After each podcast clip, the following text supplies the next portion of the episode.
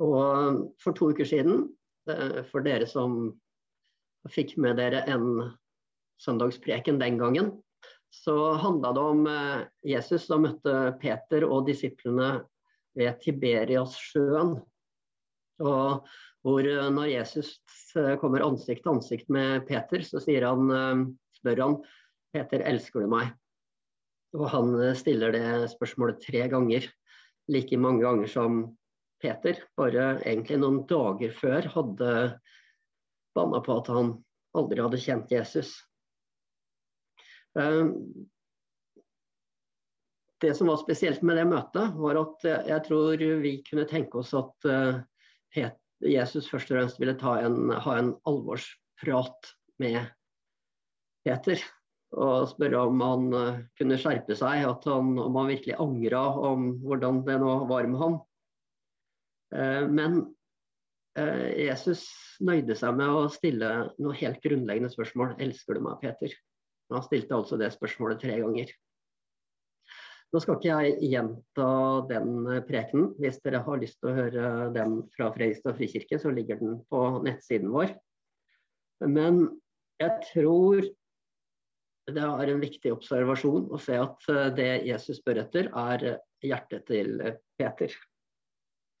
Og jeg tror det gjelder det samme for oss. Um, han er ikke så opptatt, tror jeg, av å spørre om vi klarer å leve opp til alle våre idealer, eller alle andres idealer om hvordan vi skulle få til livet. Han er ikke så opptatt av hvor oppriktig eller hvor dyp eller sånn vår anger nå en gang er, eller om vi har nå skikkelig motivasjon for hvordan vi skal leve i framtida.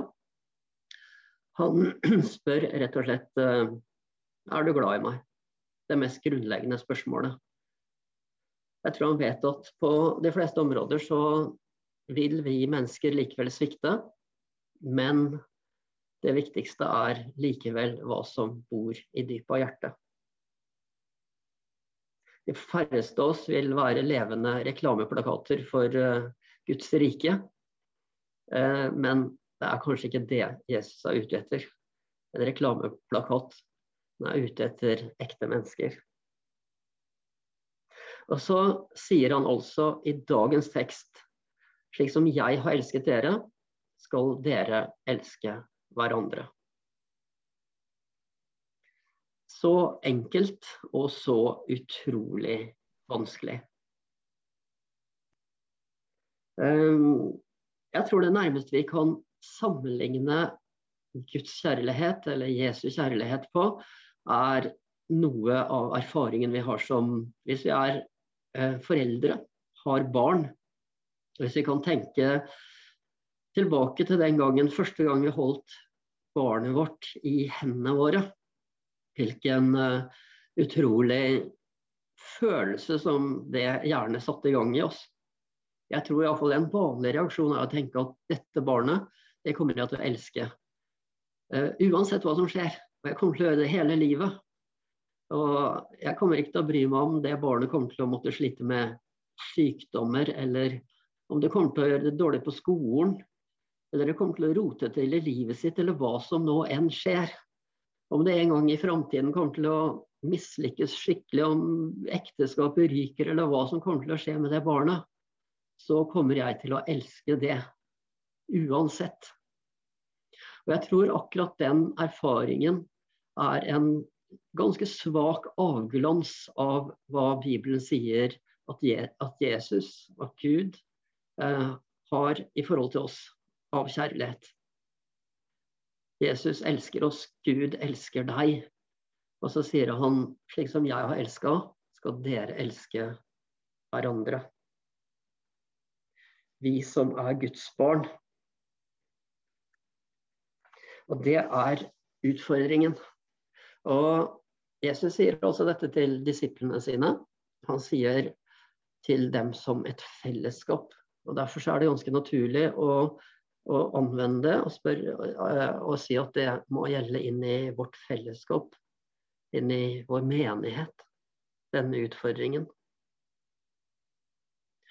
Hvordan forholder du deg til de som du ikke liker? Hvordan forholder du deg til folk som skuffer deg, som kristne kanskje? Hvordan forholder du deg til folk som uh, du kanskje opp, syns oppfører deg dårlig? Og Jesus sier uansett at vi skal elske hverandre. Vi skal elske også de som ikke er sånn som vi vil de skal være. Hva betyr det egentlig å elske? Jeg tror det er ganske praktisk og konkret hva det svaret er. Det handler om å vise godhet. Det handler om å gi omsorg. Det handler om å inkludere i fellesskap. Hjelpe i vanskeligheter. Det handler om å være vennlig. Det handler faktisk om å sette andre høyere enn seg selv. Og den teksten som vi har også fra Johannes evangeliet kapittel 13, hvis vi leser begynnelsen av det kapittelet, så handler det om uh, Jesus som uh, etter at de har spist under måltidet, bøyer seg ned og begynner å vaske føttene til disiplene sine. Én etter én. Både de som kom til å svikte han, til og med han som kom til å forråde han. Altså Jesus vasker føttene til disiplene sine. Og etterpå så sier han at jeg har gitt dere et forbilde. Sånn som jeg har gjort mot dere, skal dere gjøre mot hverandre. Og det er veldig praktisk, da. Vaske hverandres føtter. Og vi kanskje, gjør kanskje ikke akkurat det, men hva betyr det egentlig i vår situasjon? Å gjøre noe som er så praktisk, så konkret, og faktisk såpass nedverdigende. Å bøye seg under en annen og, og sette en annen høyere enn seg selv. Husk på at å elske er et verb. Det er noe vi gjør. Johannes han skriver mye om kjærlighet i brevene sine. Det er han som fortalte, og den eneste som forteller oss om samtalen mellom Peter og Johannes på stranda etter oppstandelsen. Det er han som skriver det vi leste i dag om den siste natta som Jesus er sammen med disiplene, og hva han forteller dem, og hvordan han gir dem dette budet om at de skal elske hverandre. Og i brevene hans så handler det utrolig mye om Guds kjærlighet. Han ble kalt for kjærlighetens apostel pga. det. Han skriver at Gud er kjærlighet, og den som blir i kjærligheten, blir i Gud, og Gud i ham. Og Det er der han skriver også at vår kjærlighet må, være, må ikke bare være tomme ord, men den må være handling. Og så har vi hørt den andre teksten i dag, som kommer fra Johannes' åpenbaring. Som det er det siste av det man kaller de johaneiske skriftene. Da. Og vi, Kristian leste om en liten hilsen som ble gitt til e, menigheten i Efesos i begynnelsen av Johannes' åpenbaring. Der det står at den menigheten den har egentlig gjort mye bra, men Jesus sier at han har ett imot dem, og det er at de har forlatt den første kjærligheten sin. Det er kanskje akkurat som hvis vi tenker oss i f.eks. et parforhold. At uh, du verden hvor mye bra vi har gjort sammen. Vi har bygd hus og fått til det ene og det andre. Men, den første kjærligheten den har blitt borte underveis. Og Da er det som om veldig mye av det andre mister sin glans og sin mening og verdi. Jeg tror Jesus sier noe av det samme til denne menigheten i Efesos. De har strevd, skriver han. De har avslørt falske apostler. Og alt det kan være viktig og vel og bra. Men jeg har det imot at du har faktisk forlatt den første kjærligheten din. Det som er kjernen i det hele, det som er hjertet i det hele. Det som egentlig alt faller sammen om ikke er der. Det har blitt borte.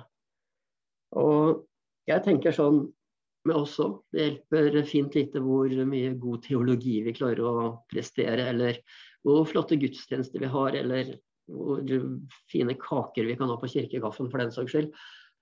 Spørsmålet dypest sett handler om noe helt annet. Om Jesus er i det, om kjærligheten er der til Jesus og til hverandre.